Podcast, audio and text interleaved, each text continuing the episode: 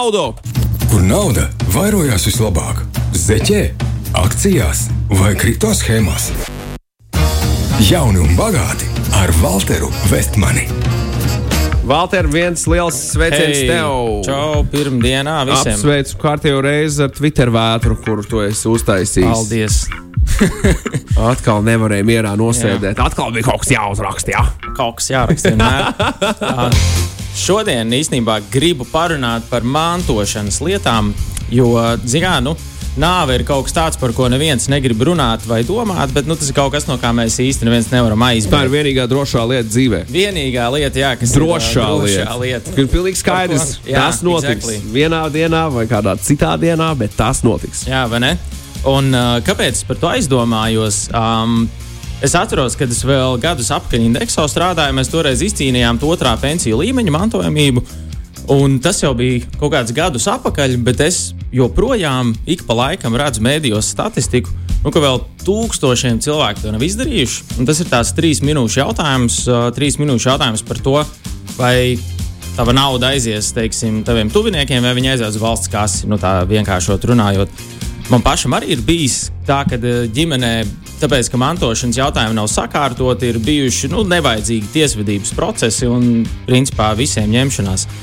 Un tad es vienkārši sāku domāt, kas ir kaut kādas nu, pamata lietas, ko tiešām ikvienam no tās mantošanas perspektīvas vajadzētu sakārtot.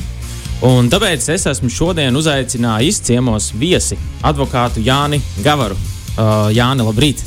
Čau, Ate, čau, Magnus. Čau, Eh, Jānim. Prieks būt eh, šeit pie jums studijā. Paldies par uzaicinājumu. Uh, mans vārds, kā jau Otrs teica, ir Jānis Gavers. Uh, esmu advokāts. Ikdienā praktizēju ar korporatīvajām tiesībām, praktizēju Zvērnāta advokātu birojā PricewaterhouseCoopers Legal. Bet šad tad gadās darboties arī ar šādām mantojuma lietām, īpaši klientiem, kuri teiksim, ir savas dzīves laikā uzkrājuši pietiekami lielu šo aktīvu daudzumu, ja, un teiksim, grib mantojuma lietas sakārtot nu, teiksim, tā, Jā. pietiekamā skaidrībā, lai visiem viss būtu skaidrs. Un, starp citu, Magnus, tā nav vienīgā lieta, kas ir pilnīgi skaidra. Vēl ir nodokļi, nāve un nodokļi. Tas ir to teica. Es, es biju dzirdējis par kaut kādām tādām interesantām, tādām kaut kādas offshore zonas, esot kaut kādā, to saucot par tax havens vai kaut kā tam līdzīga, bet tas laikam ir kāds cits stāsts un laikam ne šajā auditorijā. Jā, tad es tikai no tā, ko, nu, Nākamajam raidījumam. Pasaules, pasaules, pasaules presē esmu lasījis. Par, par mantojumiem runājot, pavisam nesen ķepus sirds saistībā arī bija tik runāts par šo saistībā ar likumu. Izrādās, ka ir pasaulē valstis, kurās tu vari atstāt savu mantojumu savam mājdzīvniekam. Latvijā tas nav iespējams. Latvijā nav, nē. bet ir, ir šie te super bagātie suņi vai kaķi Jā, jā, jā. pasaulē, kas ir slavenību, slavenību atvases, tā teikt, kas vēlāk dzīvo daudz labāk nekā mēs paši ikdienā. Bet, Labs. uh, nu, varianti ir visādi. Protams. Um, pirms es uzdodu pirmo jautājumu Jānim, man vienmēr jāpasaka, ir atruna. Ne, neņemiet šo kā juridisku padomu. Protams, uh, izskatiet visas lietas paši atbilstoši savai situācijai. Bet rekurors uzreiz pirmais jautājums vērsim pie ragiem. Nu, teiksim, tuvinieks ir aizgājis. Um, kas notiek? Kas ir kaut kāds pirmais solis? Kam zvanīt, kādus mm. dokumentus meklēt, kurien iet? Jā, nu, ar šī tuvinieka aiziešanu faktiski juridiski Latvijā atklājās mantojums. Ja, respektīvi, jūs dzirdat kādreiz jēdzienu mantojuma atklāšanās, tad tas faktiski ir tas brīdis, kad tuvinieks ir aizgājis. Mm. Uh, Latvijā mantošanas process pats kā tāds ir salīdzinoši vienkāršs. Uh, Teiksim tā, visu gan īsu procesu kārto zvērnāt notāri. Līdz ar to, principā, tādās vienkāršās situācijās visu var sakārtot pie notāra. Visus, principā, pat jautājumus var uzdot notāriem. Ja? Pie mums advokātiem nāk tad, kad ir nu, sarežģītas aktīvas struktūras, kas ir teiksim, jāsastruktūrē nezinu, pietiekami. pietiekami uh, Nu, teiksim, ja ir turīgs cilvēks, viņam tur ir biznesi, mājas, Tieši visādi tā, tieši tā. Mm. Tieši tā, ir nepieciešams saprast, kas kam varētu aiziet un, teiksim, vispār kā tas varētu aiziet. Un tāpat, protams, arī nereti mēdz būt arī strīdi saistībā ar mantošanu. Tas, protams, ir otrs lielais bloks, kad visbiežāk nāk pie advokātiem. Bet nu, par lietām, kas ir jādara. Jā, nu, tātad, pirmkārt, mantiniekam, kurš zina, ka viņš ir mantinieks, ir jāpaņem savs dokuments. Tajā brīdī, kad mantojums ir atklājies, jāpaņem savs personu apliecinošs dokuments, mm -hmm. uh, miršanas apliecība, kur vajadzētu pirms tam dabūt, kā arī visi dokumenti, kas pierāda radniecību vai teiksim, šo te kaut kādu mantojumu iespējamību ar mantojumu atstājušo personu. Un jādodas pie zvērnāta notāra. Uh, konkrētās uh, apgabalties teritorijā, kurā uh, praktizē šis notārs, atkarībā no vietas, kur ir bijusi dzīves vieta personai, kas ir nomirusi. ne? Okay. Tad rīznieks nevar braukt uz Daugopili pie notāra? Uh, Nu. Rīdzinieks var braukt, bet tas ir atkarīgs, kā jau teicu, no, no tā, kur ir bijusi dzīvesvieta mantojuma atstājējiem. At, Ok. Attiecīgi, ja mantojuma atstājējs ir dzīvojis Rīgā, tad tu meklē notāru pie Rīgas apgabalā. Okay. Labi, nu, tas ir sīkums vēl. Jā. Jā. Okay. Un, ā, teiksim, kas, ir, kas tev ir jāņem līdzi? Ir kaut kāda. Ir kaut kāds viens, viens veids, kā mantošana notiek, ir kaut dažādi veidi, kāds, ok. okay. kāds varbūt sadalās. Nu, te mums jāpieķerās tai, tai, tai sulīgajai juridiskajai teorijai. Ja? Nu, faktiski Yes. Latvijā šobrīd ir trīs eh, veidi, kādos var tikt mantots. Uh, tas ir uh, likumiskais mantošanas veids. Testamentārais mantošanas veids vai līgumiskais mantošanas veids. Uh, likumiskais tas ir saskaņā ar civil likumu. Nu, kā jau, kā jau teiksim, tas, tas notiek tad, ja mantojuma atstājējs nav atstājis testamentu un nav noslēdzis mantojuma līgumu. Mhm. Uh, saskaņā ar likumu mantošana notiek šķirās. Attiecīgi, likumā ir paredzētas četras uh, mantinieku šķiras. Uh, kur princips ir tāds, ka pirmā šķira ir vistuvākie radinieki, tie ir bērni, mm. otrā šķira ir vecāki brāļi, māsas, trešā šķira ir pusbrāļi, pusmāsas, un ceturtā šķira ir vēl vis tālākie radinieki. Jā. Un princips ir tāds, ka tālāka šķira nemantoja, manto kādu no pirmajām šķirām. Ja? Respektīvi, ja ir piemēram tikai divi bērni, tad abi šie bērni saņems visu. Papildus tam šķirām, protams, ir arī laulātais. Nu, laulātais saņem visvairāk. Jā, laulāt, nu, nevienmēr, bet laulātajiem princips ir tāds, ka pirmkārt viss, kas ir laulāto kopīgā manta, aiziet automātiski laulātajiem, un tad attiecīgi arī viss, kas ir bijusi aizgājēji atsevišķā manta. Tur ir nu, tā, ka principā laulātais saņem vai nu bērnu daļu, vai arī, ja bērnu nav, tad pusi. Uh, Un, un pārējie radinieki sadala pusi savā starpā, vai, ja nav nekādu citu radinieku, izņemot laulāto, tad laulātais saņem visu. Okay, bet tas ir gadījumā, teiksim, ja nav testaments, vai, vai, vai tas ir jebkurā gadījumā, kad laulātais saņem pusi un bērni otru pusi. Nē, nē, nē. Nu, tas, Kā kā jau es tas teicu, strādā, tas ir, tas ir tas likumiskais mantošanas okay. ceļš. Uh, likumiskais faktiski iet vai nu tad, ja nav testamenta vai mantojuma līguma, vai arī tad, ja kaut kas tajā testamentā vai mantojuma līgumā nav bijis spēkā. Ja? Tad otrais veids ir testamentārā mantošana, un tas faktiski ir situācijā, kad mantojuma atstājējs ir vienpusēji izlēms, ka viņš tagad grib atstāt kādam citam. Ja? Tas var būt jebkas, nezinu, labi draugi. uh, Jā. Mīļākā, jebkas, ko var iedomāties, jā. kas nemantots saskaņā ar, ar, ar likumu. Tā tad tie atvases, par kurām neviens neko nezināja, piemēram. Jā, Un noteikti, jā, jā, noteikti. Bet nu, kā atvasēm, protams, ir arī tiesības mantot saskaņā ar likumu. Jā, jā. Tāpēc, ka, Nē, nu, zini, nu, Jā. nu, persona X nav izstāstījis vai izstāstījis savas dzīves notikumus. un Tieši tad tā, tas- tieši, tā. arī tas ir jā. iespējams. Jā. Un, un, un, un uh, ar testamentu ir tā, ka testamentā, protams, paredz ne tikai to, kam kas aiziet, bet arī, nu, principā, mantojuma atstājējs var nu, tā teikt, paredzēt, kā viņš vispār grib, lai teiksim, viņš tiktu izvadīts, ja teiksim, viņš grib- lai viņš tiktu kremēts vai tam līdzīgi, un visus šos citus jautājumus. Un tad ir tas trešais, faktiski visspēcīgākais veids, kā mantojam, tas ir mantojuma līgums. Ja? Tas pretēji testamentam, kas ir vienpusējs, mantojuma līgums ir tāds, kurš slēdz gan testamenta atstā, mantojuma atstājējs, gan arī mantinieks. Un tur eh, mantojuma atstājējiem ir pienākums atdot eh, šo eh, mantojumu mantiniekam, un mantiniekam ir pienākums pieņemt viņu, ja vien līgumā tas nav paredzēts kaut kā citādāk. Okay. Tad sanāk, ja cilvēks iet, piemēram, ja tev nav vispār nekādu testamentu, nekas noslēgts, tu aiziet pie notāra un kā likumā rakstīts, tā viss sadalās un tur īstenībā neko nevar rakst, darīt. Nu, eh, tur, tur situācija ir tāda, ka, tad, kad tu aizies pie tā notāra, pirmās divas lietas, faktiski, ko notārs izdarīs pēc tam, kad tu būsi iesniedzis mantošanas iesniegumu, būs notārs pārbaudījis pirmkārt, vai uh, kāds cits notārs jau nav sācis mantojuma lietu. Jo Latvijā princips ir tāds, ka tas pirmais notārs, pie kura tu aizēji, tas arī vadīs uh, to visu mantošanas procesu. Respektīvi, ja pirms tevis kāds cits mantinieks būs aizgājis pie cita notāra, tev būs jāiet tomēr pie tā cita notāra. Okay. Tad tur bez maz vai jāskrien ir pie tā notāra. Nē, nu, tas ir. Nu, principā jau visi notāri nu, ir Nu, viena. Nu, tādā jā. ziņā mums, mums Latvijā ir limitēts skaits ar notāriem. Manuprāt, šobrīd ir simts. Un, un, un Ok. okay. principā, principā jau nav nozīmes, eh, nu, pie kura tieši notāra tu ej. Un otrā lieta, savukārt, ko tas pats notārs izdarīs, būs viņš pārbaudīs, vai gadījumā uh, testamentu reģistrā, publisko testamentu reģistrā nav reģistrēts kāds mantojuma atstājēja uh, reģistrēts testaments. Uh, kāda ir atšķirība? Es, es iepriekš neminēju par testamentiem. Ir divi veidi testamenti. Var atstāt publisko testamentu, tas ir tāds, kur tu sagatavo pie zvērnāta notāra, vai privāto testamentu. Un tas savukārt ir tāds, kur tu uzraksti pats ar savu roku no sākuma līdz beigām un pats beigās paraksti. Svarīgs aspekts šeit ir tas, ka tu nevari testamentu uzrakstīt uz datora un parakstīt. Tās testaments nebūs spēkā šobrīd. Okay. Kāpēc tā? Nu, tāds ir likuma noteikums. tas ir, vai- Nu, es teiktu, ka tas ir drīzāk, lai izvairītos no viltojuma iespējamības. Tāpēc, ka teiksim, parakstu noviltot ir mazliet vieglāk E-parakstu rokas. Es varu uzlikt uz savu digitālā dokumentu, nu, domājot par, par Nu, par to, par to ir vērts un- padomāt. Par to ir vērts padomāt, bet nu, šobrīd tā situācija ir tāda. Notāri arī man neparakst. Viņiem arī ieparakst, var dabūt, zini, kā tad. Bet, eh, bet tieši testamentiem tā situācija ir nu, šāda. Jā, ka tas ir pašrocīgi uzrakstīts un pašrocīgi parakstīts. Nu, laiks, es domāju, mainīs šo. Ļoti iespējams. Ļoti iespējams. Okay, un, ja tas testaments ir uzrakstīts, tad vienmēr arī viss notiek kā plānots tajā testamentā. Nu, pieņemsim, viņš tur nav problēmas, nav nekādu caurumu atstātu. Nu, eh, kā advokāts es teikšu tā, ka mums praksē divas galvenās strīdu kategorijas ir sekojošas. Viens ir tas, ka cilvēki nu, teiksim, tā, uzskata, ka testamenti ir viltoti. Mm -hmm. Tā kā filmā, zinot, ka atnāk, atnāk cilvēks ar yeah, kaut kādu savu sure. testamentu un saka, ka nu, nē, nē, šitas, šitas ir īstais. Ja? Nu, Tas, tas, ko jūs tur tagad redzat, tas nav īstais rokraksts, manā tur omē vai vecstāvam vai tam līdzīgi. Līdz ar to viltojuma strīdi tas ir numur viens. Līdz ar to tādās situācijās viss var nenotikt tā, kā tas ir paredzēts testamentā, tāpēc ka tiesas tiešām var atzīt, ka vilto, teiksim, šis te testaments ir viltots. Un otra svarīga kategorija ir tā saucamie neatrādāmie mantinieki. Esat par tādiem dzirdējuši? Kaut, jā, ir dzirdēts. Ir. Nu, lūk, neatrādāmie mantinieki tas ir laulātais, bērni vai, ja bērnu nav, tad vecāki. Ko tas nozīmē? Neatkarīgi no tā, ko mantojuma atstājējs būs paredzējis testamentā, šīm personām, kuras uzskaitīju, vienmēr ir tiesības saņemt kaut ko. Tas kaut kas likumā ir paredzēts kā puse no tā, ko šīs personas saņemtu saskaņā ar likumu, ko es sākumā minēju.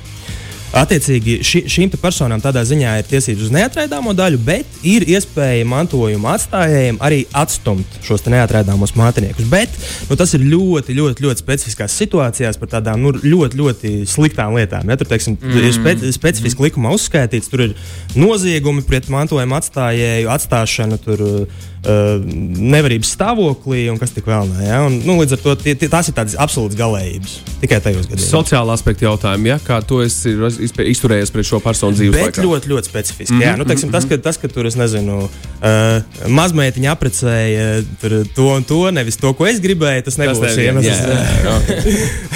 ok, ok.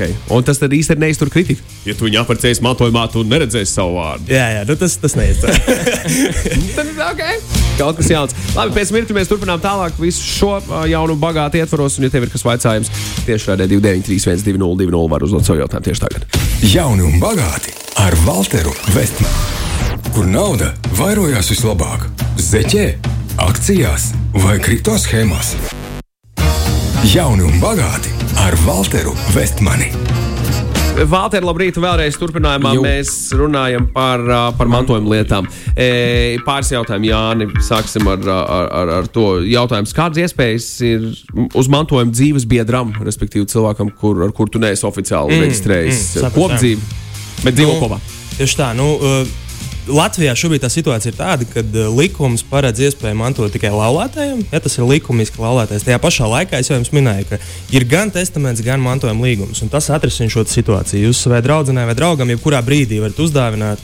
Nē, bet uh, nodot mantojumā ar testamentu kaut ko visu savu mantu, bet tajā pašā laikā, protams, ievērojot neatrādāmo mantinieku intereses. Okay, tad tur tos neatrādāmos mantinieks bez maz tajā līgumā var mēģināt likt iekšā. Nu, tas vai... faktiski, ja godīgi, ir tas labākais variants. Tāpēc, ka, nu, ja tu zini, ka šie neatrādāmie mantinieki nāks pēc savu mantojumu, un nu, teikt, uh, tu gribi kaut kādā veidā izvairīties no strīdiem vēlāk, ir labi jau sākotnēji to paredzēt. To visu teiksim, var atrunāt jau šajā procesā pie notāra. Tāpat ir svarīgi arī saprast to, ka vēlāk uh, šie uh, neatrādāmie, tad, kad jau mantojums būs atklājies, gan neatrādāmie mantinieki, gan arī šis mantojuma saņēmējs pēc testamenta vai mantojuma līguma var vienoties par kaut kādu specifisku veidu, kā tiek sadalīts mantojums.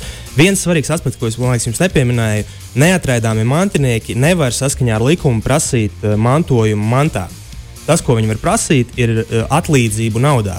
Respektīvi, viss mantojums, tad, kad tas pirms tas tiek saņemts, tiek novērtēts. Zem, teiksim, uh, viss, kas ir attiecībā uz nekustamo īpašumu, tas ir kadastra vērtība, bet visu pārējo var vai nu novērtēt vērtētājs vai pašu mantinieki. Mm. Un uh, šiem te neatraidāmajiem mantiniekiem ir faktiski tiesības saņemt neatraidāmo daļu, neatņemumu daļu naudā.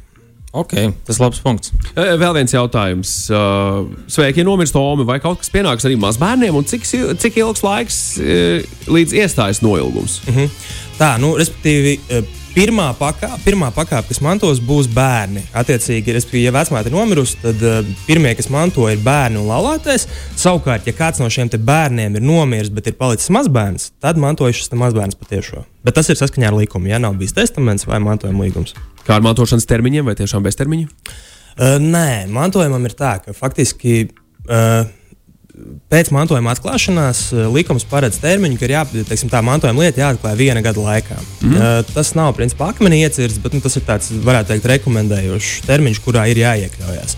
Pēc tam, attiecīgi, tā, kad mantojuma lieta būs uzsākta, zvērnāts notārs eh, Latvijas vēstnesī paziņos gan kreditoriem, gan potenciālajiem mantiniekiem par termiņu, kurā viņi var pieteikties šim mantojumam.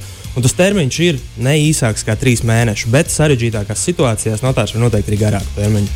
Labi, uh, un pavisam ātri lainēji noteikti arī šis interesē, ja es gribu atstāt mantojumu, kā man ir jārīkojas un cik tas maksā.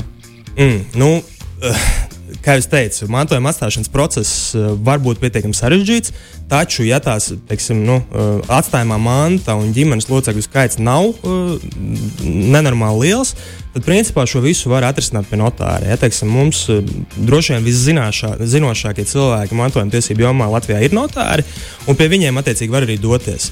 Uh, mantojuma lieta, teiksim, tā saskaņā ar likumu, lai, uh, lai man, nokārtotu mantošanu ar likumu, protams, nekas nav jāmaksā, jo tas notiek automātiski.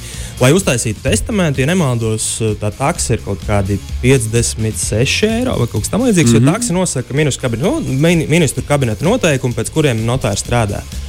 Un, Uh, visbeidzot, tad, kad mantojums tiek saņemts, arī ir jāmaksā notāra taksas. Ja? Tās notāra taksas uh, ir, uh, tā, jo tuvāks radinieks jūs esat, vai ja jūs dzīvojat arī kopā ar šo personu kā radinieks, tad tās taksas ir mazākas. Viņas ir sākot no 0,25% no mantojuma vērtības līdz pat 7,5% no mantojuma vērtības, ja jūs esat vis tālākie radinieki. Aha. Mm. Vēl pāris jautājumā cilvēkiem tiešām šis uh, ir uh, ļoti ieinteresējis šajā rītā. Piemēram, mantojums sadalīts tiesā pirms 30 gadiem.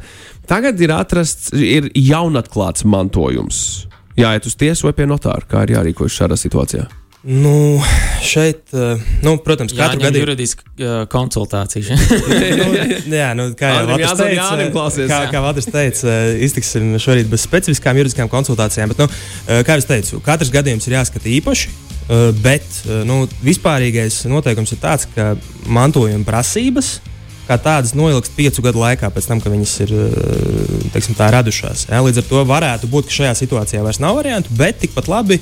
Uh, tā, var, varbūt šie pieci gadi vēl nav noilguši atkarībā no tā, vai teiksim, šis termiņš ir sācis tecēt vai nav. Nu, pirms 30 gadiem tad varbūt jau ka varētu būt, ka ir. Mm, Bet atkal specifiski, jā, specifiski un pie, pie, pie ekspertiem. Uh, vai no mantojuma var atteikties, un vairāk šo ir vaicājuši šajā rītā? Jā, no mantojuma var atteikties, ja vien nav noslēgts mantojuma līgums.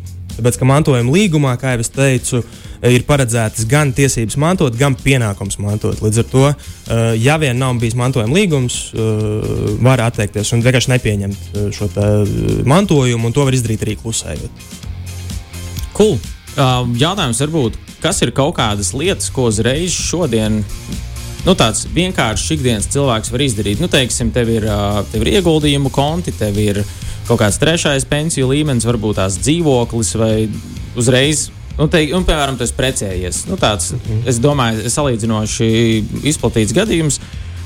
Ko, jā, ko cilvēkam darīt? Vai viņam iet uzreiz testamentu taisīt? Tas ir pareizākais, vai ir kaut kas vienkāršāks, ko darīt? Ja tev, teiksim, mm. nav īsti daudz to, nu, nav kam kauties par to tavu mm. mazo bagātību, mm. kas ir.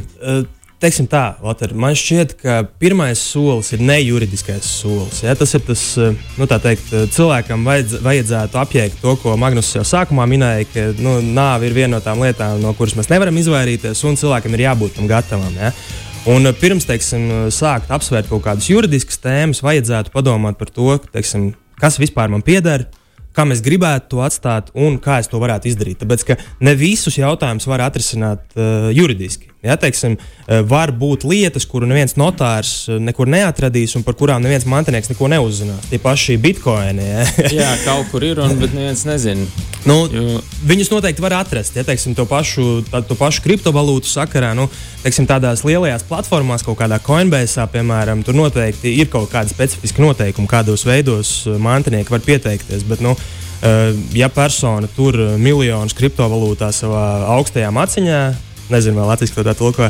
Tad, nu, Tā to- tā to var saukt, jā. jā, tad, tad, tad, tad, tad neviens eh, mantinieks eh, caur notāru šos te bitkoinus nedabūs. Ja vien nezinās pieejas visus kodus un visas Protams. Jā. Jo vienkārši ko esmu izdarījis, es, um, nu, man ir Viņš, teiksim, viņš pārvērts visu kripto un tagad saviem radiniekiem grib izstāstīt, draugi mīļie. Meklē, tur ir apraksts. Tur ir apraksts. Rekur koordināts. Ne, tāds, uh, es vienkārši arī aizdomājos, um, mums ir arī mūsu, ieguld, nu, mūsu programmā, tur arī mēs par mātošanas lietām runājam, bet vienkārši tikai te pie tā notāra. Notārs jau bieži nezina, uz kuru pusi vispār meklēt. Um, jo es tā domāju, ja man ir ieguldījuma konts, man ir trešais pensiju līmenis, man ir vairākās bankās konti, ir vis kaut kādas lietas, kas uz mana vārda man pieder.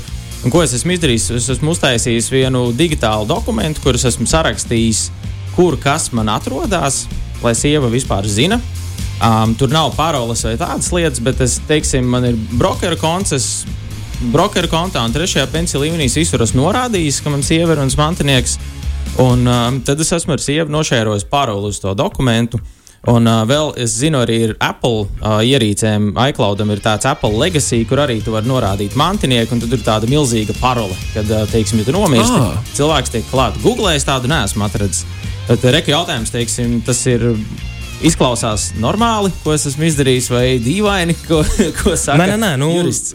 Pa- Pavisam noteikti. Nu, teiksim, veids, kur, kur teiksim, apkopot visus kaut kādus savus, nu, sauksim tos par digitālajiem asetiem, ja, digitālajiem aktīviem. Uh, nu, Kaut kāds veids ir jāatrod. Es domāju, ka nekādas tādas uh, zelta formulas šeit nav. Uh, man, godīgi sakot, nav, nav ne jausmas par to Apple funkciju, kur, kur tu tikko minēji. Bet, ja tu esi jā. to pārbaudījis, tad es domāju, ka tas noteikti var strādāt kā veids, kā šos datus nodot vēlāk. Un Forši, tā viena no tādām pirmajām lietām, ko var sākt jau darīt šodien. Super, uh, Jānis, liels paldies tev! Paldies jums! Man liekas, bija ļoti interesanti, noderīgi. Skaidra lieta, skaidra lieta. jautājums? Pēdējais jautājums, desmit sekundžu atbildi. Kas man to kredītu? Uh, arī mantinieks. Parādus. Jā, ja tev atdod viens no- mantojumu ar parādu, tad to arī manto parādu. Jā, jā, tas, tas droši vien, ja mums ir vēl laiks, tas ir pats svarīgākais, ko vajadzētu atcerēties. Desmit sekundes. Ja jūs pieņemat mantojumu, tad mantojumam iet līdzi arī parādi. Vienīgais veids, kā no tā izvairīties, ir mantošana ar inventāra tiesību, bet tam vairs laika nav. Perfekti. Okay. Paldies viņš par, par jaunu un bagātu šai rītā. Čau, vīri! Čau! Jauni un bagāti ar Walteru Vestmani. Šī radio pārējai tapusi sadarbībā ar neatkarīgo producentu Westman Media.